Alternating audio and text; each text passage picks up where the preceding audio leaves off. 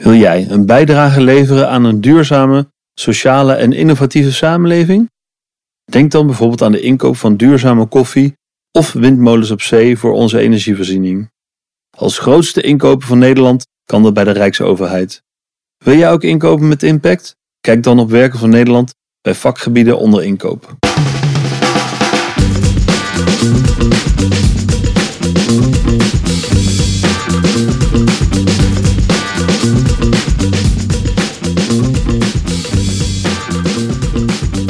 Welkom bij alweer de vierde aflevering van seizoen 3 van De Gunningsfactor, de podcast van aanbestedingscafé.nl. Naast onze gast, die ik zo aan jullie ga voorstellen, is ook tafelheer Theo van der Linden aanwezig. Theo, ik ga je niet opnieuw uh, voorstellen. Als de luisteraars uh, je nog niet kennen, adviseer ik hen om de eerste aflevering van dit seizoen nog eens terug te luisteren. Of natuurlijk een van je columns op aanbestedingscafé.nl uh, te lezen.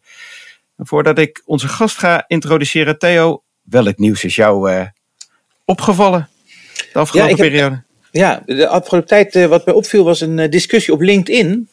En die was geantameerd door Alfred de Weert. Alfred de Weert is de voorzitter van de, de kenniskring aanbesteden. En ja. die, dat ging weer over de relatieve methode. En de relatieve methode, ik dacht dat we daar alles wel over gehad hadden en alles over gesproken hadden. Maar um, hij vertelde dat er op dit moment aanbestedende diensten zijn die zeggen dat, dat ze, als er een partij uitvalt, dat ze dan toch de, de gunning baseren op de oorspronkelijke volgorde. En dat is wel grappig, want dat is een, inderdaad een uitspraak geweest van de Hoge Raad in 2014 in de Xerox RICO-zaak. Die zeiden okay. toen ook letterlijk van ja, uh, je mag ook de volgorde blijven baseren op de oorspronkelijke volgorde. Mm-hmm. Nou is dat echt een oliedom, echt oliedomme arrest. Weet je, dat, hoe kom je op het idee? Want wat je dan zegt is, een ongeldige inschrijving mag meetellen. Nou, dat is heel raar. Plus, dat is nog juridisch, maar dan ook nog zit je met het rare dat dus een aanbestedingsdienst kan gaan kiezen wie er wint. Want je kan of de volgorde nemen met die ene uitsluiten, dat mag altijd. Of ja. je neemt de volgorde, met, met, je telt ze mee. Dus je krijgt een keuzevrijheid in wie er wint. Nou, dat is, dat is on, onvoorstelbaar dom. Nou, in een paar jaar geleden heeft de commissie van aanbestedingsexperts ook gezegd, in advies 504, jongens, dit is dom. En die hebben, hebben uh, ik, heb het, ik heb het opgeschreven. Uh, uh, Chris Jans natuurlijk was toen de voorzitter, heel kundige man, maar ook Hans Kuiper, Jan Telge, van Hij van der Horst, gewoon echte kopstukken. En die hebben toen heel erg gezegd: nee, jongens, als er inderdaad één partij uitvalt, hè, en zomaar rank reversal, dan moet je die partij niet meer meewegen. En dan moet je dus opnieuw de volgorde maken. Dat is heel logisch, daar is ook niks ja. raars aan, dat is ook niks niet vervelend als je dat gewoon in je aanbestedingsstukken zet. Maar het rare is nu dat, dat uh, de aanbestedingsdiensten zeggen: nee, wij mogen het ook doen op basis van die oorspronkelijke volgorde. Kijk maar naar het arrest van de Hoge Raad. Ja, en wat ik me nou afvraag is: kunnen we dat niet uitzetten? Snap je? Kunnen we, want het is de Hoge Raad, dat is het hoogste rechtsorgaan in Nederland. Maar het is onvoorstelbaar dom. Daar zijn ook al die deskundigen het over eens. Ik vind het ook. En dan, maar het is er wel. Het is een uitspraak uit 2014. Maar hij is echt onvoorstelbaar dom. Hoe, hmm, ja. Maar we zitten er nu mee. Snap je? Dus ik vind het echt. En het blijkt dus, ik dacht dat het vergeten was. Maar blijkbaar, Alfred de Weert zegt: nee, ik, ik kom het regelmatig tegen in aanbesteed. Dus, dus, nou, ja, we hebben in deze echt... podcast ook wel eens over die methode gehad. En uh, ik. Uh, Volgens mij was Alfred zelfs bij die aflevering te gast, maar dat weet ik niet helemaal zeker meer. Ik ga het nakijken en als dat het geval was, neem ik een links op uh, in de show notes. Ja, en dat geldt doen. ook voor, uh, voor de post waar jij naar uh, verwijst, zodat de luisteraars dat nog even rustig kunnen teruglezen. Maar ja, met je 504 goed... is, dat is wel belangrijk, want daar staat, wordt het heel goed uitgelegd, weet je wel. En ja, ik, ik, ik, maar ik ben niet zo goed uh, geschoold in dat soort dingen. Of, of je, ja, ik zou zeggen, je moet het uit kunnen zetten. Of de Hoge Raad biedt zijn excuses aan, of die zeggen van jongens, we waren dom toen en, en we, we, we wisten er nog niet zoveel van af. En, en we doen het niet. Het is het fout, jammer dan, maar volgens mij ja. werkt het niet zo in de, in de rechtspraktijk. Nee, precies. Oké, okay. met je goedvinden ga ik uh, verder ja. naar onze gast. Want uh, onze gast in deze podcast promoveerde op 29 september jongstleden aan het uh, Center for Public, Public Procurement aan de Universiteit Utrecht. Centraal in haar uh, onderzoek stonden de instrumenten voor het uitbesteden van diensten in het sociale domein. En omdat we bij de redactie het 400 pagina dikke proefschrift met waarschijnlijk stevige wetenschappelijke juristentaal iets te veel van het goede vonden, leek het ons verstandig om haar uit te nodigen voor deze podcast. Welkom, Gerike de Jong Bouwman. En om ook maar met dezelfde vraag bij jou te starten. Welk nieuws is jou deze week opgevallen, of in ieder geval de afgelopen periode? Ja, dank voor de uitnodiging. Ja, het nieuwsfeit dat ik uh, wilde noemen uh, gaat over jeugdzorg. Dus okay. gerelateerd aan uh, mijn onderzoek naar het sociaal domein. We gaan het er zo nog over hebben. Ook de instrumenten die gemeenten daarvoor kunnen gebruiken, zoals het instrument van de aanbesteding. Ja. En ik las eind vorige week een uh, nieuwsbericht van de SER, dus Sociaal-Economische Raad. Ja. En die berichten: de nood in jeugdzorg is hoger dan ooit. Uh, en het nieuwsbericht was naar aanleiding van een brief van de SER aan de staatssecretaris van VWS, waarin ze ook schrijven: alle onderzoeken en adviezen over de problemen in de jeugdzorg hebben nog geen tastbaar beleid opgeleverd. Ze hebben zelf ook een rapport geschreven in 2021 met tien adviezen. En Mhm. ja, ze vinden uh, daar moet haast mee worden gemaakt. Die adviezen moeten worden uitgevoerd. En sindsdien zijn ook de problemen eigenlijk alleen maar groter geworden. Ziekteverzuim is hoog. De werkdruk neemt toe. Steeds meer professionals verlaten ook de jeugdzorg. Wachtlijsten groeien. Uh, zorgaanbieders kunnen de kwaliteit en de continuïteit van jeugdzorg niet meer garanderen. Nou, zulke berichten horen we veel ook in de, in de ja. langskomen in de media. En uh, Eigenlijk uh, benadrukken ze dat met drie adviezen moeten eigenlijk daarbij voorrang krijgen nu. Uh, de expertise in lokale teams versterken. Uh, inzetten op preventie en integraal werken. Dus ook doelen van de decentralisatie natuurlijk ooit. En de administratieve lasten verlagen. En dit bericht triggerde me ook wel omdat ik dacht, ja, het heeft ook wel een link met die instrumenten. Hoe kan je die nou inzetten voor goede zorg? En Daar als ga je ook... ik zeker zo nog even op terugkomen, ja. want het lijkt me nou een mooie, mooie uh, parallel. Het, het, is zo grappig, je somt net even achter elkaar uh, de problemen in de jeugdzorg op. En dan denk ik uh, van ja, die geluiden die herken ik. Maar mijn hemel, als je ze zo achter elkaar zet, dat is wel echt iets om zorgen over te maken. Ja, klopt. Kortom. Vooral inderdaad de jeugdzorg. Ja, want sociaal domein is natuurlijk groter, maar daar uh, wordt wel echt een noodklok ge geluid nu. Ja, ja. precies. Oké. Okay. Um, mag wat, zeg maar wat tussendoor zeggen. Wordt niet ja, overal op dit moment de noodklok uh, ge, ge, gehezen? Er is geen onderwerp meer wat, wat, geen crisis heet. En er is geen.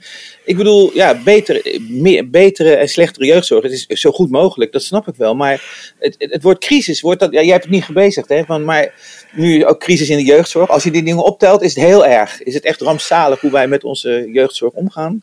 Is, is dat ook allemaal, kan dat ook want, want we doen alles, de overheid, ik, we wijzen voor alles naar de overheid. En is het wel mogelijk om het zoveel beter te doen? Want, want ik, ik, ik, ja. het gaat om nou, geld, altijd. In de vorige aflevering van deze podcast hadden we het, uh, stond de crisis zelfs uh, centraal. En hadden we het over uh, inkopen in tijden van crisis. En een van de allereerste vragen van me toen was, van wat is, wanneer is het eigenlijk crisis? En uh, ja, dat, dat, dat, blijkt geen zwart-wit uh, benadering bij mogelijk. Het is eigenlijk is er altijd wel een vorm van, uh, van crisis. Dan wel schaarste, dan wel oorlog, dan wel, nou ja, vul maar in. En altijd wat. Ik wil eigenlijk met jullie goed vinden even doorgaan um, bij onze gast. En dan met name de promotie die je recentelijk hebt afgerond. Allereerst van harte proficiat uiteraard. blij dat het erop zit? Ja, zeker. Uh, ja, het is natuurlijk wel een enorm traject wat je achter de rug hebt. En uh, ja, vier jaar, het heeft zelfs nog iets langer geduurd uh, aan een onderzoek werken. Op een gegeven moment dan wil je daar ook een afronding aan geven. En vooral met een boek van zoveel bladzijds. Mm -hmm. op een gegeven moment is het klaar. Ja. Dus dat, dat is heel fijn. Ja. En, en zo'n promotie is dan echt een bijzondere dag. echt een mooie afsluiting. Ja, ja een feestelijke afronding van een aantal jaar noeste arbeid. ja, precies. En wat, ga je, wat ga je nu doen? Groot zwart gat of uh, valt het mee? Dat valt heel erg mee. Ja, ik ben op dit moment uh, weer naar mijn, uh, terug naar mijn, nou ja, de roots is een beetje een verkeerd woord, maar ik ben eigenlijk via het bouwrecht, het aanbestedingsrecht ingerold. Mm -hmm. En ik zit nu bij Rijkswaterstaat als aanbestedingsjurist en uh, jurist contractenrecht. Mm -hmm. Dus uh, ik ben nu bezig met uh, de problematiek van veilig en leefbaar Nederland en de infrastructurele projecten. Dus dat is een hele mooie functie die ik nu uitvoer. En daarnaast probeer ik ook nog een beetje het sociaal domein en mijn onderzoek verder uit te bouwen en, en daar nog over te publiceren ook. Ja. Ja, precies. Um, maar wat vragen, is het niet veel leuker, al die lekkere bouwaanbestedingen, grote projecten? Sociaal domein is zo zo, zo klein en zo, ook zo politiek gevoelig, weet je wel. Iemand krijgt een verkeerde scootmobiel en het staat in de krant. En, en de bouw is wel echt... En de aannemers snappen waar het om gaat. Dus, dus is dat niet leuker? Of, of, of, ja, ik, ik vind het allebei leuk. Allebei maar leuk. Het, het, is inderdaad wel zo dat ik in mijn onderzoek wel tegenaan liep. Dat er wel heel veel aan de hand is. En vooral ja. omdat het zo maatschappelijk gevoelig ligt. Dat het ook wel een heel lastig onderzoeksveld is, ja. Oké, okay, ja. nou, dat hoor ik graag, ja. Even terug naar je promotie. Hoe is dat onderwerp eigenlijk op je pad gekomen? Ja, eigenlijk, want het is een overkoepelend thema eigenlijk. Want ik kijk vooral naar welke instrumenten hebben overheden in het algemeen eigenlijk om uh, taken te organiseren. Dus het onderscheid tussen overheidsopdracht en subsidie, vergunning, concessie, open house model. En dat heb ik vervolgens toegepast dan weer op het sociaal domein, omdat juist in dat veld ook van verschillende uh, instrumenten gebruik kan worden gemaakt. Je hebt natuurlijk derde, de zorgontvangers, die vervolgens ook kunnen kiezen voor een zorggebied. En dan heb je bijvoorbeeld ruimte voor een open house model. Dus dat veld leende zich ook voor die verschillende instrumenten. En daarbij binnen ons onderzoekscentrum, je noemde het net al, het Utrecht Center for Public Procurement, mhm. daar werd ook al onderzoek gedaan vanuit inkooptechnische, economische hoek naar het sociaal domein. Dus het was ook wel heel mooi om die inzichten te kunnen gebruiken bij mijn juridische onderzoek. Uh, en zo, uh, dus dat eigenlijk echt verder te kunnen brengen, ook vanuit de juridische kant. Ja, precies. Dus zo ben ik daar terecht gekomen. En wat vind je daar leuk aan dan? wat vind je daar leuk aan? Ja, het is gewoon heel boeiend en ik vind het vooral heel mooi. En dat was ook mijn enige uh, voorwaarde eigenlijk om te promoveren. Ik wilde wel iets wat echt praktijkgerelateerd is en een actueel thema. Ik, liefst draag ik echt een steentje bij aan oplossingen voor een vraagstuk. Dus dat was wel minder scootmobiels in de krant komen. Ja, precies. precies, liefst wel. Ja. Oké, ja, ik, eh, eh, ik stelde dit soort vragen eigenlijk altijd. En, en, en ik, moest, ik zag Theo ook even lachen, maar meer zo van: oké, wat is er in jouw carrière uh, gebeurd dat je in aanbestedingsland uh, terecht bent uh, gekomen? Maar dat was een beetje de achtergrond van die vragen. Hey, um, even terug naar je onderzoek. Even voor de luisteraar, uh, nou, die misschien niet bij de promotie uh, aanwezig was of een van de andere uh, publicaties van je gelezen heeft. Waar ging, kun je in het kort uitleggen waar je onderzoek over ging? Ja, uh, het heeft eigenlijk twee onderdelen in zich. Allereerst gaat het over het, het, scheppen van duidelijkheid over de scheidslijnen tussen instrumenten. Dus de overheidsopdracht staat daarbij centraal, waarbij je moet aanbesteden. Ten mhm. opzichte van de subsidie, vergunning, concessie en het open house model. Mhm. En dat heb ik dan vervolgens toegepast op het sociaal domein. En dan kom je bij de vraag hoe kunnen gemeenten dan een rechtmatige keuze maken uit deze verschillende instrumenten. Daarvoor heb ik ook een beslisschema ontwikkeld op basis waarvan welke criteria zijn nou van belang om dat onderscheid te kunnen maken en hoe kun je die keuze dus maken. Uh, en zoals ik net al zei, die problematiek is dus sectoroverstijgend, dus dat zou je ook op andere sectoren kunnen toepassen. En een belangrijk tweede onderdeel, sorry. Ja, waren daar veel problemen dan mee in, de, in, in de instrumenten? Was onduidelijk uh, hoe je die kunt uh, toepassen. En je somde ze net al netjes op. En ja. voor mij hebben die al niet zo heel veel met elkaar te maken, maar blijkbaar zit daar uh, veel meer uh, overlap in. Ja, dat is echt de aanleiding geweest voor mijn onderzoek. Dat je ziet dat die verschillende instrumenten door elkaar worden gehaald. En met mhm. name bijvoorbeeld als je kijkt naar uh, de overheidsopdracht en de subsidie, dan mm zijn er heel veel criteria in omloop in de praktijk die dat onderscheid uh, zouden moeten verduidelijken. En die, ja. dat onderscheid, die criteria komen eigenlijk voort uit best wel een oude definitie van de subsidie in de AWB, in de Algemene Wet Bestuursrecht, en een memorie mm van toelichting daarop. Maar die criteria die houden eigenlijk te weinig rekening uh, met het feit dat het, de overheidsopdracht Europees is gereguleerd via die aanbestedingsrichtlijn en dat daarbij andere criteria van belang zijn. En ik heb het idee dat in de praktijk dus die criteria zijn overgenomen. En die leiden nu eigenlijk tot verkeerde conclusies. En soms worden dan dus subsidies verstrekt die eigenlijk verkapte overheidsopdrachten vormen. Er is eigenlijk mm-hmm. verwarring ontstaan. Wat zijn nou de essentiële criteria om dat onderscheid te kunnen maken. Die bestonden en, niet, die criteria die zijn er, maar dus uh, leiden tot verkeerde conclusies die er nu zijn. Die, die zijn niet helemaal uh, goed. Ze zijn op zich heel logisch. Het zijn bijvoorbeeld criteria als uh, wat, wat is de, ehm, de, hoogte van de, van de vergoeding die een zorgaanbieder bijvoorbeeld krijgt voor zijn prestatie. Dan is bijvoorbeeld een aanwijzing als dat een marktconforme vergoeding zou zijn, dan zou dat een overheidsopdracht vormen. Als dat een, alleen een kostenvergoeding is, dan zou het een aanwijzing zijn dat er sprake is van een subsidie. En dat Aha. soort criteria houden er geen rekening mee, mee dat het Hof al lang in jurisprudentie heeft uitgelegd dat ook bij een kostenvergoeding je gewoon een overheidsopdracht kan hebben. Dus dat, dat zijn criteria die dus eigenlijk niet relevant zijn. En ik heb dus geprobeerd om de wel relevante criteria uh, te benoemen. Ja, ja precies. Dus... Ja, ik, ik, ik, ik, vertaal altijd de moeilijke juridische dingen naar dingen die ik thuis meemaak. En ik hoor een beetje of ik mijn kinderen nou meer zakgeld geef, of ik betaal uh, dat zakje snoep voor ze. Dat, daar gaat het eigenlijk om. Dat is het. Uh, van, nou maak ik het heel simpel, maar Ja, en, en, en, er zijn, ja, en er zijn nog veel. Dus, dus dat is alleen de subsidie in de overheidsopdracht. Maar je hebt ook het open house model natuurlijk. Wat in Nederland natuurlijk best wel uh, voor uh, nou, uh, nieuwe inzichten zorgde. Mm -hmm. Dat was helemaal niet scherp dat daar inderdaad Don't ook worry. nog eens instrument is die niet onder het aanbestedingsrecht valt. En waar ja. je dus vooral voor het sociaal domein dus gebruik van kan maken. Maar nog steeds blijft de vraag, wanneer kan je dus een open house model gebruiken en wanneer heb je, is sprake van een overheidsopdracht. Ja. Dat weet je vast, okay. hoeveel open house, hoeveel gemeenten hanteren open house in Nederland nog? Ongeveer? Nee, ik weet de, de, exacte cijfers niet. Ik weet wel dat nee. in het sociaal domein dat, dat het uh, een, een, groter percentage gebruik maakte van open house model dan van overheidsopdrachten. Maar of dat nog steeds zo is, de, de meest recente cijfers heb ik niet. Maar er werd in het sociaal domein veel gebruik van gemaakt. Ja, maar wat zijn je, zeg maar 50% of 40% of 60%? Heb je enige indicatie van hoeveel dat ongeveer zou zijn? Ja, er wordt ook altijd onderscheid gemaakt. Volgens mij naar jeugdzorg en naar uh, andere soorten diensten. Maar ik denk ja, dat het er rond de 30, 40 procent zat. Maar mm.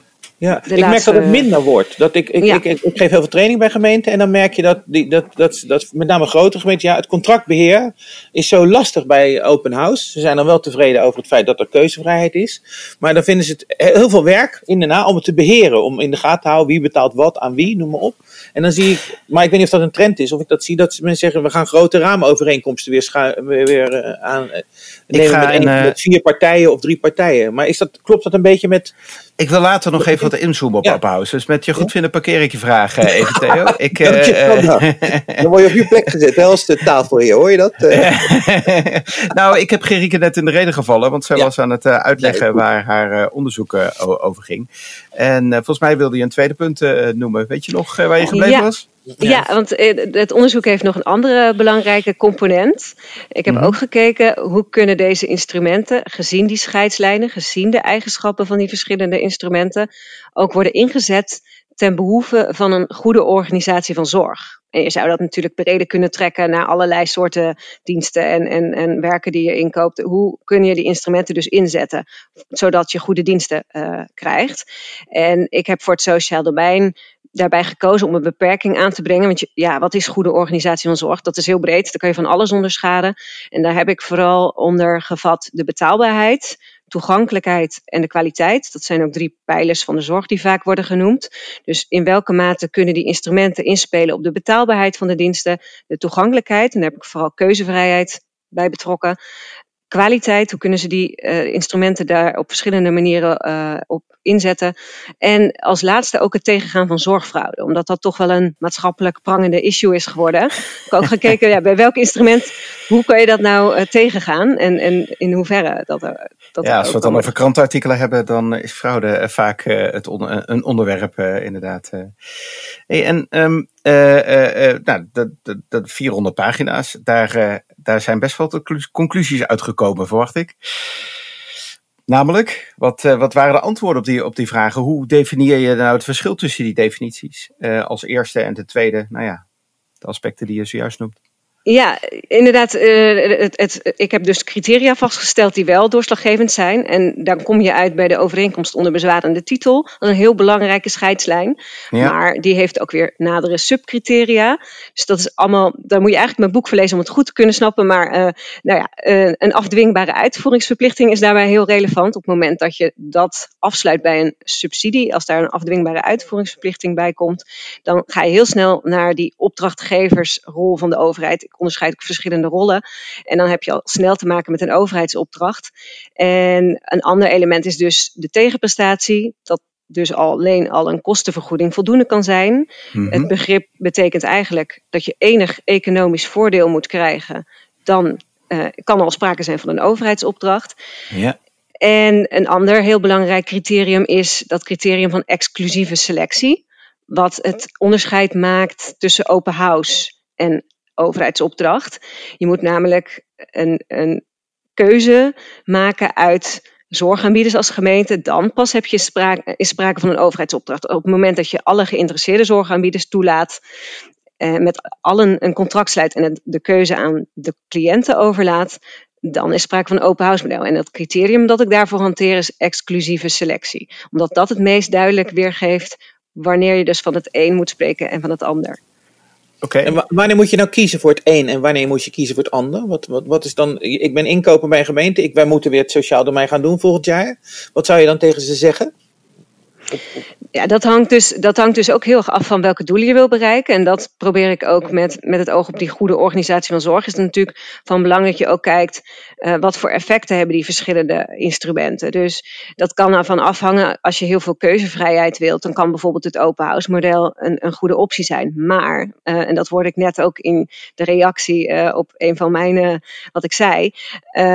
het kan natuurlijk wel zo zijn dat er zoveel aanbieders zijn dat de, het risico is dat er heel veel aanbieders toetreden. En dan wordt ook wel weer vaak gekozen voor een overheidsopdracht, omdat je toch ook het moet kunnen blijven monitoren. De kwaliteit ook van die aanbieders. Dus ik denk dat het, het hangt, het is niet alleen een juridisch antwoord. Het is ook heel erg ingegeven vanuit inkooptechnische overwegingen. Bijvoorbeeld wordt gezegd bij de gecertificeerde instellingen, waarbij het aanbod heel goed aansluit op de vraag, kan open house model bijvoorbeeld een hele goede optie zijn. Omdat je dan niet die potentiële grote groep zorgaanbieders krijgt.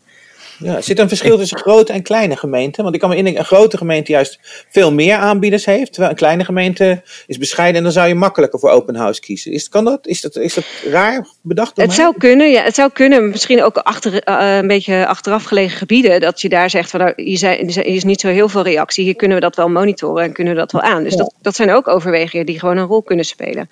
Ja ja. Maar mijn onderzoek richt zich dan wel veel meer op het juridische. En ja, uh, oké, wat zijn dan precies de, de, de scheidslijnen tussen die instrumenten en hoe kan je die dan inzetten, die instrumenten? Wat zijn de gevolgen daarvan? Goh, ik hoopte een uh, duidelijk uh, antwoord te krijgen op de vraag: moeten we nou open huis gebruiken of moeten we dat niet doen? maar de definitie, nou, zoals je het juist uitlegt, die kan ik wel volgen. Op het moment dat de interkopendienst te objectiveren is, makkelijk toetsbaar, certificeerbaar is en dergelijke, dan is open house eerder een model waar je voor kiest en er ook voldoende aanbieders zijn. Dan als dat niet het geval is, heb ik het goed samengevat? Ja, ja inderdaad. Juist bij veel aanbieders moet je er een beetje mee oppassen. Ja, als het niet helemaal goed aansluit op de vraag. Ja. Oké. Okay. Theo, mee eens? Ja, ik denk het wel. Nou, het is wel wat ik hoor. Wat ik heel veel, als ik cursus geef bij gemeenten, hoor ik dat heel vaak. Dat het probleem bij open house uh, wat iedereen een sympathiek idee vindt ook, hè? Dat, je, dat je de keuzevrijheid bij de gebruikers legt. Dat is een heel sympathiek uitgangspunt. Maar het beheer, inderdaad, maar het is precies wat jij zegt, Gerike, uh, dat het lastiger is, omdat je, er gebeurt heel veel. En, dat onder, en daarom dacht ik ook dat het verschil tussen misschien grote en kleine gemeenten, dat het bij een kleine gemeente beheersbaarder zou zijn. Dus, nou, ja, uh, neem ik er deze podcast altijd de, de, de, de, net gestarte aanbesteder van gemeente Medeblik uh, als voorbeeld. Die moeten we trouwens echt eens een keer gaan uitnodigen, Theo. Dat, die, die heb ik nou zo vaak als voorbeeld genoemd, maar ik zal nog een keertje uitleggen waar dat vandaan komt. Maar goed, die net begonnen aanbestedingsspecialist van de gemeente, die, die, die, moet de diensten, die moet gaan zorgen dat de gemeente nou, in, binnen, binnen het sociale domein diensten uh, beschikbaar stelt aan de mensen die dat nodig hebben binnen de gemeente. Wat zijn nou de, de, de, de, de meest voorkomende uh, struikelpunten waar, uh, waar ze tegenaan lopen? Vraag aan Gerike uiteraard. Vraag mij. Nou ja, uh, ik denk dat het gewoon heel belangrijk is dat uh, men zich bewust is van het feit dat er dus verschillende instrumenten zijn en dat je daarmee dus verschillende uh, doelen kan bereiken. Mm -hmm. En dat je dus moet afvragen op het moment dat ik een taak zeker wil stellen voor de burgers, dan heb ik al snel een overeenkomst onder bezwarende titel nodig. Contracten wil ik dan sluiten, want dan zorg je ervoor dat de diensten ook daadwerkelijk kunnen worden geleverd en dan kan je ook de partijen daaraan houden. Dus dan zit je al gauw bij een overheidsopdracht. Um, op het moment dat je zegt, nou, ik kan ook meerdere zorgen stelden we het net over, dan kan je ook nog naar een open house model toe gaan. Vervolgens, als je dan bijvoorbeeld voor een overheidsopdracht kiest, zou, moet je ook goed kijken, vooral in het sociaal domein, wat is precies die behoefte van die zorgontvanger? En mm -hmm. dat mhm. is denk ik iets juist wat heel belangrijk is in het sociale domein. Je voert uiteindelijk, je, je koopt die diensten in voor de zorgontvanger. Dus die staat daarin ook centraal. Dus als je ook kijkt naar die procedure van de, de sociale en andere specifieke diensten. daarin, um, in Nederland is dat niet zo heel duidelijk neergelegd. Maar als je kijkt naar de richtlijn, dan staat ook heel duidelijk dat aanbestedende diensten moeten rekening kunnen houden met de belangrijke behoeften die spelen rondom sociale diensten. Uh, dat ze die overwegingen ook kunnen meenemen. En ik denk dat vooral ook van belang is om te beseffen dat de ene kant ruimte is bij die procedure ook, om die diensten te organiseren. Want het is een eenvoudige procedure, niet alle regels zijn van toepassing. Uh, aan de andere kant om ook bewust te zijn van de grenzen. Want uiteindelijk gaat het natuurlijk wel om de aanbestedingsbeginselen die moeten worden gewaarborgd. Ja, oké. Gaat dit vaak uh, verkeerd, uh, Theo? Heb je het gevoel? Ja, dat kan ik niet zo goed beoordelen. Weet je, wat, wat, wat dat zei Gerike ook in het begin. Uh, het sociaal domein ligt natuurlijk enorm onder een vergrootglas. En dat, dat, is iets, dat is lastiger bij het sociaal domein dan bijna elke andere uh, tak van sport. Er is een rechtszaak pas geweest en de gemeente Almere had bedacht: we gaan onze scootmobiels, die gaan we niet uh, altijd nieuw kopen. En dat is dus niet zo gek bedacht, want je hebt natuurlijk heel veel senioren. Die gaan na een half jaar scootmobielgebruik overlijden ze. Dan heb je een heel goede scootmobiel nog. Dus wat had Almere bedacht? We lappen ze op, we maken ze, zijn ze bijna als nieuw en we gaan ze dan uh, weer aan nieuwe mensen aanbieden. Duurzaamheid, ja. want dat is, ik ja. vind dat heel goed bedacht. Alleen ja. was er een mevrouw, of meneer, dat kan ik niet uit de rechtszaak ophalen, die een rechtszaak begon. Te, ik heb, vind dat ik een nieuwe scootmobiel mag hebben. Want die tweedehands, die, die, die, die, die, die, in de goede vering of zo. En, en, de gemeente, en ze heeft die rechtszaak verloren trouwens. De rechter vond dat, eh, dat, dat de gemeente juist op een goed pad was en, en goed. Maar dat tekent een beetje, vind ik, het, het idee dat dat in een rechtszaal, dat je daarover met serieus volwassen mensen aan gaat praten. Want is een, een tweedehands scootmobiel hè, eh, eh, zo goed als nieuw volgens de gemeente. Terwijl ik het juist een heel sympathiek idee vond, een heel goed idee. Dacht van ja die scootmobiels die hebben, dan zijn er soms heel kort gebruikt. Ja, die kan je natuurlijk heel goed weer opnieuw voor iemand anders gebruiken. Dus dat, dat, ja. dat vind ik het grote probleem van het sociaal domein. Uh, omdat, en daardoor lijkt het wel of het ook de, de juridische basis lastig is. Omdat je steeds moet verantwoorden als, bij, als gemeenteambtenaar. Hoe doen wij het? En, en, en, ja, daar zijn toch weer heel veel ontevreden mensen. We hebben een groot contract, heel veel ontevreden mensen. Hey, open house, weer heel veel ontevreden mensen. Dus ja. er is iets waarvan ik bijna denk, je kan het niet, bijna niet goed doen of zo. Herken je dat, wat ik zeg? Of zo, dat het zo, ja, zo kritisch is, zo, zo moeizaam. Ja, ja ik, ik, ik ken het helemaal. En ik heb in mijn boek ook geprobeerd om ook duidelijk te maken dat, ook, dat we toe moeten ook naar een andere manier van denken. Dat is natuurlijk van achter die hele participatiegedachte en participatiesamenleving idee. Gemeenten hebben niet alleen die opgave met de decentralisatie gekregen om de zorg te organiseren. Ze hebben ook nog eens een, een extra opgave. Ze moeten ook dat denken eigenlijk veranderen. En dat zal enige, misschien generaties duren. Van een recht op zorg naar, ja, wat kan ik nog wel zelf? En wat hebben we nog wel? En wat kan ik met mijn uh, buurt en, en familie, wat kunnen die doen? En natuurlijk moet dat ook mogelijk zijn. Maar het is zeker ook wel een, een domein waarin ook gewoon gezien de stijgende zorgkosten, gezien de vergrijzing die ook echt een probleem wordt, dat we ook moeten gaan kijken naar gewoon simpele manieren, inderdaad, uh, scootmobielen die gewoon nog goed zijn, doorgeven, uh, maar ook andere manieren waarop we ook die zorg kunnen organiseren. En misschien moet ook niet alles de overheid doen, maar een deel ook gewoon bij de mensen zelf liggen. Ja, ja. Nee, het kan ook niet, denk ik. Want als je, als je ziet nu, die babyboomers, die zijn nu allemaal, beginnen een beetje op leeftijd te komen. Als je, als je, als je zoals nu, dat je, dat je iedereen die niet, niet, niet die zichzelf kan wassen, die laten we wassen nog, bij wijze van spreken. Weet je wel. Maar, maar als mijn generatie zo oud wordt, dan, dan kan dat niet meer. Want het zijn er veel en veel en veel en veel te veel. Dus en dat is wel een, een probleem wat je ook onder ogen. En, en ik heb soms het idee dat wij veel te veel perspectief krijgen. We moeten de oplossing overheid moet alles oplossen. Die moeten, dit op, die moeten ook oplossen dat over, over 20 jaar alle babyboomers gewassen worden. Dat, ik gewassen word, zal ik maar zeggen. maar ik denk dat het niet kan. Dus ik, ik, ik, zie ik het voor me, Theo. Ik, ik zelf kan blijven wassen. Snap je? Maar wat ik bedoel, ja. dat, lijkt, dat vind ik zo lastig aan het sociaal domein. Aan al die, ook de rechtszaken daarover die, die je ziet. En, en ja, de, de mate van hulp, hoe goed dat is, ja, dat is lastig. lastig. Want ik vind wel, ik, mensen die in nood zijn, die hebben recht op een goede behandeling. Prima, dat is hartstikke goed. En dat je als samenleving zorgt voor de zwakkeren en de mensen die daar niet voor kunnen zorgen. Heel goed, echt heel goed. En we doen het volgens mij ook wel goed in Nederland. Maar de, de, de toekomst, en dat is ook wat jij zegt, hoe gaan we dat oplossen? is wel heel goed om ook na te denken, hoe, met welke aanbestedingsinstrumenten doen we dat? Ja, en wat, wat, wat controleren we?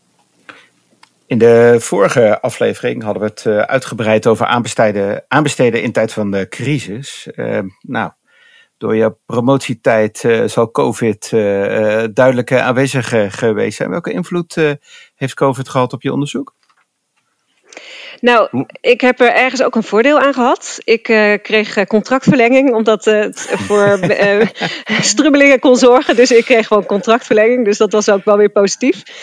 Um, ja, verder, um, ik, ik kan best wel goed uh, concentreren. Dus ik heb mezelf juist opgesloten in huis. en ik ben keihard aan de slag geweest om al die hoofdstukken te produceren. Dus niet eens zo hele grote consequenties, die hele COVID voor mij. Nee, maar op de inhoud van, van je onderzoek weinig invloed. nee, ja, ook niet echt. Ehm, nee. Oké. Oké, okay, um, um, ik ga een beetje richting uh, de afronding, ook in verband uh, met, uh, met de tijd. Um, eigenlijk wat we al onze gasten altijd, altijd vragen is, welke tips heb je voor aanbesteders die aan de gang gaan met uitbestedingen in het sociaal domein? Ja, ik, ik had in mijn boek uh, heel veel tips, maar ook voor de, de wetgever natuurlijk uh, uiteraard. Niet ja. alleen voor uh, de gemeente zelf. Nou, als ik begin met de gemeente zelf, dan heb ik erop gewezen wel om, om de kennis te vergroten over die instrumenten en wat, wat je daarmee kan bereiken. Daar heb ik ook een steentje aan proberen bij te dragen. en ook het tegengaan van administratieve lasten. Let ook op van niet te zware eisen als het niet nodig is, niet stellen. Uh, ik vind het een prachtig initiatief ook het aanbesteden op 1 à 4 versimpelen. Uh, probeer ook de digitale middelen. Ik, ik, hoop nog eens dat daar eens een heel mooie uitkomst in komt. Dat we veel makkelijker dat aanbestedingsproces kunnen inrichten. Uh, en uh, ga ook voor eenvoudige procedures. Het sociaal domein uh, kent de SAS-procedure, is een lichtere procedure, gebruikt dat ook. dus dat is eigenlijk mijn aanbeveling aan de gemeente. En misschien nog eentje voor de wetgever, dat is misschien dan ook wel leuk. ja, zeker. ik, ik ben wel van mening dat het aan de wetgever is om bijvoorbeeld die SAS-procedure ook te verduidelijken. dus te sumier. En er zou volgens mij veel duidelijker in moeten zijn: wat is nou precies die ruimte en wat zijn de grenzen? Die je hebt bij het aanbesteden van sociale diensten. Bijvoorbeeld ja. met betrekking tot dialoog en onderhandelen. Wat natuurlijk ja. van groot, uh, altijd uh, veel aandacht heeft in het sociaal domein. Ja, absoluut. Ja. Iets mag ik ook nog iets aanvullen? Want wat, wat, mij opvalt, ja. wat, wat mij opvalt, er zijn heel veel rechtszaken geweest. Hè, sociaal domein, altijd over de tarieven. Maar zeg maar een paar jaar geleden was ook heel veel uh, kleine bedrijven die voor het eerst moesten meedoen aan een aanbesteding. Hè, dus twee vrouwen die maakten dan in tien huizen schoon of twintig huizen. En die maakten dan een fout in een UEA. UEA moet je de knock-out criteria en dan zeiden ze ja in plaats van nee. En dat kwam nog voor de rechter en dan zei de rechter nee, dat is geen kleine fout. Je hebt gewoon nee ingevuld. Jammer, je, bent, je, je wordt uitgegooid. En mm -hmm. er zijn heel veel van dat soort voorbeelden heb ik gezien. Ik weet bij de gemeente Den Haag was op een gegeven moment een bedrijf die deed aan twee aanbestedingen mee en die hadden voor de eerste aanbesteding al hun bewijsmiddelen ingestuurd. En die hadden voor de tweede aanbesteding gezegd: uh, de bewijsmiddelen zijn in uw bezit. Dus die horen bij die en die aanbesteding, dus die kunt u daar en daarin zitten. En toen werden ze eruit gegooid, want wat bleek in vraag 137 van de nota van inlichtingen stond: ook als u ze al hebt ingeleverd, moet u ze opnieuw inleveren. En toen dacht ik van ja, dit is gestoord. Dit is echt, dit is echt gestoord. En ik vind het eigenlijk bij gewone aanbestedingen al gestoord. Bij, bij, bij mensen die ervaren zijn in aanbestedingen. Maar bij, bij sociaal domein, waar mensen eens in de vier jaar misschien aanbesteden voor het eerst. Ja, daar moet het, moet het simpel zijn. Dat, is echt, dat is, vind ik echt onverantwoord bijna om het zo ingewikkeld te maken. Ik vind het eigenlijk bij alle aanbestedingen hoor, dat het zo krankzinnig ingewikkeld is, is, is eigenlijk al een ramp. Maar bij in het sociaal domein lijkt me dat heel extra erg. Want daar ja, zitten echt heel veel partijen die het nooit doen en die, die, die, het, uh, ja, die dan toch daar moeten, moeten reageren. Ja, ik vind dat ik vind dat wel iets die simpel. Goed dat jij dat zegt, één A4'tje. Ja, volgens mij kan dat ook wel, snap je? Volgens mij hoeft het niet En als het dan anderhalf A4'tje is, uh, dan zijn we ook tevreden. Ja, precies. Ja, ja precies. Ja, ja, ja. Ja, het is wel grappig, uh, Theo, uh, je, je betoog, maar eigenlijk hoor ik Rieke uh, het vergelijkbaar zeggen. Ik hoor al een aantal podcasts achter elkaar dat we eigenlijk wat minder zouden moeten doen bij aanbestedingen. Terwijl de trend jarenlang geweest is om vooral heel veel meer te doen. meer op te schrijven, meer eisen te stellen, meer duidelijkheid te eisen vooraf. En ik hoor al steeds vaker een, een, een, een, betoog om, dat het met ietsje minder ook wel kan. Oké, okay, um, ja, misschien een, een, een, een slotvraag van jou, Gerike. In 2016 liet je door Cobouw optekenen dat er bij inkopers meer kennis nodig is. Het is nu 2022. zijn we al een stapje vooruit? Ik denk het eh, vast wel. Uh, ja, dat is inderdaad een oud stuk. Uh, dat ging er ook om, inderdaad, van dat juist de opleiding van inkopers heel belangrijk is. Misschien dat dat soms nog een beetje als een ondergeschoven kindje werd gezien en, en niet zoveel belang aan werd gehecht. Terwijl dat heel belangrijk is, want ze doen heel belangrijk werk. En het is gewoon heel belangrijk dat dat goed gaat. dat bewijst ook wat we, waar we het net over hadden: het, het eenvoudig aanbesteden. dus altijd ruimte voor verbetering, maar er is zeker vast de goede kant op. Ik kom heel veel goede inkopers tegen, namelijk uh, ook bij Rijkswaterstaat. Dus. ja, okay. ik wil, mag ik dit aanvullen? Ik, ik doe dit werk al twintig jaar. En ik zie zelfs een revolutie in de kennis over, van, bij inkopers. En ook hoe verantwoord ze met hun vak omgaan en hoe serieus ze met hun vak omgaan. Twintig jaar geleden was een inkoper was gewoon altijd een man. Hè, met een geruit overhemd en, en, en, en van een sleutelbos. En, leeftijd. En die regelde wat. En die had een contactje met de aannemer. En die wist waar we een adresje voor. En nu is het echt altijd, het zijn punt 1 zijn het heel veel vrouwen geworden. Dat vind ik heel opmerkelijk. Zijn heel, het is echt een, een vrouwenbaan geworden, inkopen. Maar ook serieus. Ze zijn serieus bezig. Niet altijd even goed, niet gelijk dat alles daarmee perfect gaat. Ook soms te ingewikkeld. Maar wel iedereen, er zit een heel soort serieusheid in zich gekomen bij het inkopen. Van het is een vak geworden. En dat vind ik heel, heel plezierig. Echt, ook als je dat wat, in een wat langere termijn ziet, denk ik van ja, dan zijn we op een heel goed pad. En we moeten nog door. En dan misschien maar over vijf of tien jaar dan gaan we daar de vruchten van plukken. Dan, dan, dan, dat, daar ben ik echt van overtuigd. Dat is heel, ik denk daar heel positief over. Ja. Voordat ik uh, ga afronden, uh, Theo, ik uh, geef de tafelheren eigenlijk altijd de, de laatste gelegenheid om aan onze gast nog een vraag te stellen. Dus uiteraard ja. ook voor jou de gelegenheid. Ja, dat triggerde mij aan de er, ergens zei dat. Jij zei de, de zorgcowboys, de fraude. Bij, dat, dat, je, dat je daar. Dat, dat je, mij lijkt dat heel moeilijk, snap je? Er zijn een aantal rechtszaken over geweest waarvan ik soms dacht van nou, is dit nou zo erg? Weet je wel, dan hadden mensen zonder HBO-diploma hadden dan eh, de zorg verleend. Iedereen was het over eens, het was wel goed gedaan, maar ja, ze hadden geen HBO en in de aanbestedingsstukken moest HBO. Uh, het lijkt me zo lastig. En, en, is, en zo'n directeur dan als een fraudeur te, voor te stellen? Misschien wel, hè? misschien is het een fraudeur, dat kan je niet uit de rechtszaak halen. Maar hoe, hoe, hoe denk je, hoe kan, het überhaupt? Kun je zorgcowboys er wel uithalen? Het wordt heel makkelijk beweerd, hè, van ja, uh, die zorgcowboys, daar moeten we van af. Maar ik, ik, ik punt 1 is er certificaten voor. Uh. Ja. En twee, nee, snap je wat ik bedoel? wat vind jij daarvan? Wat, en, en zijn er hulpmiddelen om dat te doen? Ja, nou, allereerst denk terecht punt van wat is nou precies fraude? Daar heb ik het in mijn onderzoek ook even oh, discussie ook over gevoerd. Wat, wat is inderdaad fraude? En wanneer is het zodanig ernstig dat je daar ook echt consequenties aan gaat verbinden? Want het aanbestedingsrecht is natuurlijk niet het strafrecht. Nee. Uh, het is uiteindelijk bedoeld dat er geen betrouwbare aanbieders worden toegelaten. Ja, wij journalisten uh, noemen het al gauw fraude. Dat, uh, Maar dat staat gewoon lekker in de kop. Jullie journalisten zijn heel makkelijk daarin. Die noemen het gewoon gelijk fraude. Er kan geen verkeerd bankje geplaatst mhm. worden of het is fraude. Nee, de overheid moet daar natuurlijk ontzettend mee oppassen. Dat zie je ook met het, de toeslagenaffaire natuurlijk. Hè. Uh, niet mensen op lijstjes zetten waar ze niet horen. Dus, dus, en daar ziet het aanbestedingsrecht denk ik voldoende ook in om ervoor te zorgen dat dat niet zomaar kan. En daarom is het ook juist zo moeilijk om fraudeurs uit te sluiten. En in sommige gevallen zou je dat misschien wel uh, een makkelijkere mogelijkheid willen. Bijvoorbeeld als er echt uh, het geld gaat naar een, een, een mooie Ferrari en, en, en alleen maar naar uh, nou ja, een mooi huis en, en niet naar de zorg. Mm-hmm. Hoe kan je dat dan aanpakken? En, en dat is dan inderdaad een belangrijke vraag. En dat is per instrument ook wel verschillend. als je het aanbestedingsrecht heb je dan de uitsluitingsgronden natuurlijk. En dan zou je kunnen aansluiten bij de ernstige beroepsfout. Dat is dus mm-hmm. ernstig, staat daarbij. Dus dan moet van een zekere ernst zijn. En je moet daarbij ook een bewijsmiddel hebben. Dus dat is ook belangrijk. Ik denk dat het ook nog wel van belang is dat daar de wetgever wat meer duidelijkheid over geeft. Dat is dan voldoende bewijsmiddel. Bijvoorbeeld een mhm. inspectierapport of iets. Is dat mhm. dan voldoende? Uh, en vervolgens is natuurlijk die terugkijktermijn alleen maar voor drie jaar. En je moet altijd de, de inschrijver alsnog de gelegenheid geven om aan te tonen dat hij betrouwbaar is. Dus er zit een hele uh, waarborg in, in die, in die wet. Juist om ook te voorkomen dat partijen te snel worden uitgesloten.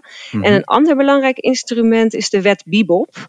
Uh, Die natuurlijk ook nu voor alle overheidsopdrachten geldt. En die kan worden ingezet om uh, te voorkomen dat dus ook overheidsopdrachten worden gegund aan uh, criminele organisaties, maar ook waarmee dus fraude wordt gepleegd met dat geld. En dat ziet ook op vergunningen, op subsidies. En het open house model wordt er nu ook ondergebracht. En dat kan op zich wel behulpzaam zijn, omdat er ook een landelijk bureau op zit die daar onderzoek naar kan doen. van wat is nou de risico erop. Alleen is de rijkwijde van dat instrument voor de subsidie en vergunning weer groter, omdat je daar niet hoeft aan te sluiten bij het aanbestedingsrechtelijke regime. Dus daar kan je wel iets makkelijker ook optreden uh, als het gaat om fraude. Ja. Mooi antwoord, klippenklare ja, taal. Uh, uh, zelfs als niet-jurist en als niet-lezer van de 400 pagina's was het voor mij prima te volgen. Ehm, Gerrike de Jong-Bouwman, ontzettend bedankt voor je aanwezigheid in deze podcast. En ik weet zeker dat je onze luisteraars weer voorzien hebt van waardevolle inzichten. Theo van der Linden, ontzettend bedankt uh, voor jouw bijdrage. Luisteraars, ontzettend bedankt voor het luisteren. Uh, mocht je willen reageren op deze, op deze podcast, uh, reageer dan in, via de reacties op aanbestedingscafé.nl bij het betreffende artikel waar deze aflevering aan de orde is. Of stuur een mailtje naar podcastapenstaatje aanbestedingscafé.nl. En over twee weken weer een nieuwe aflevering. Dank jullie wel. Graag gedaan. Dank. Hai, hai.